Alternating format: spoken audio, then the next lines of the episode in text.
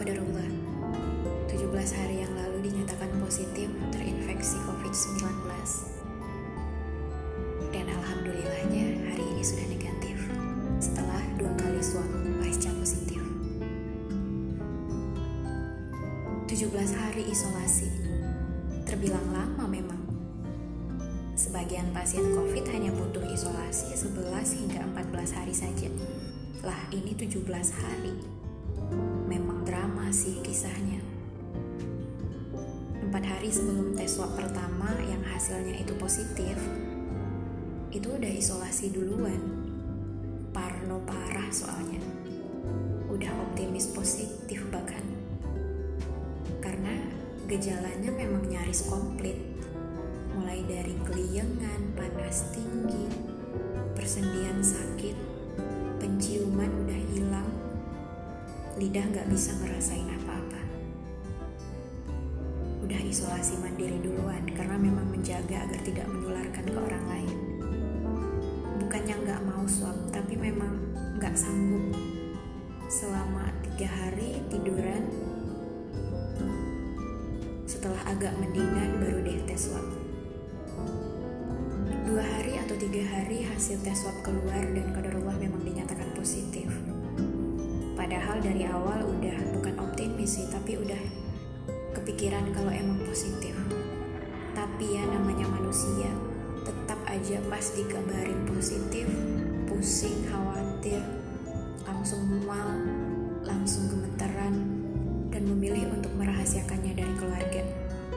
Ya meskipun pada akhirnya jujur karena memang gak bisa bohong apalagi sama ibu Nah, besoknya jalani pemeriksaan. Ini agak dramatis.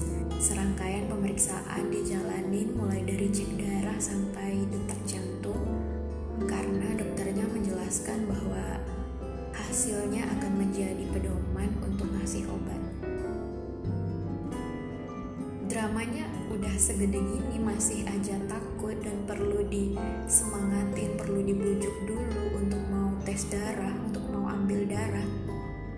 Konyol dan memalukan sekali. Dan pada akhirnya alhamdulillah selesai.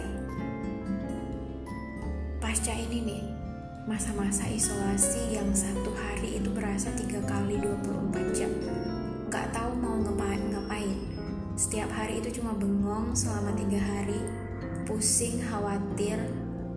Iman lemah banget Sekiranya seperti ini, seandainya seperti itu Wah itu futur banget Sholat ya hanya sekedar sholat doang sampai akhirnya pelan-pelan sadar menerima bahwa ini ketentuan Allah. Barangkali karena dosa bejibun dan Allah mau menggugurkan dosa-dosa kita. Positif thinkingnya sih seperti itu. Dan memang ya manusia itu makhluk sosial yang gak bisa sendirian tanpa orang-orang di sekeliling yang selalu support, yang selalu nyemangatin teman-teman juga. Bahkan ada satu momen di mana tidur terlalu awal. Mbak Daisha langsung ketiduran dan bangun pas jam 1.30 dini hari. Lampu mati, Qadarullah lagi badai juga dan untuk wudhu ke toilet aja itu takut luar biasa. Lagi-lagi setan berhasil ya menakut-nakutin. Bikin kok nggak kebayang ya bahwa ternyata apa sih yang harus ditakutin gitu loh.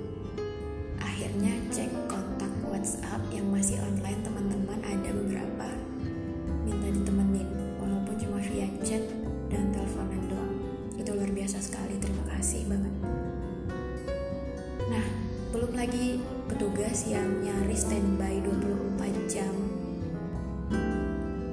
kita konsultasi online terkait dengan perkembangan kesehatan pimpinan juga rekan-rekan kerja yang supply makanan, cemilan, snack, suplemen itu luar biasa sekali tanpa orang-orang yang ada di sekeliling kita mungkin kita tidak akan sekuat dan setangguh itu.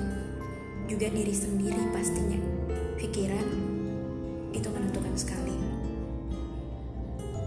Intinya 17 hari itu berusaha hidup sesehat mungkin. Iya sih, ada satu dua kali masih tetap aja ngada ya dengan mengkonsumsi makanan yang seharusnya tidak boleh untuk dikonsumsi. Alhamdulillah hari ini dinyatakan negatif. Kita ambil ibrah dari segala peristiwa yang terjadi.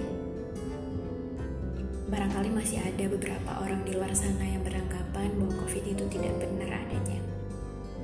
Terlepas dari apa pun itu, yang pasti segala sesuatu yang terjadi itu tidak terlepas dari izin Allah Subhanahu wa taala. Sandarkan diri kepadanya.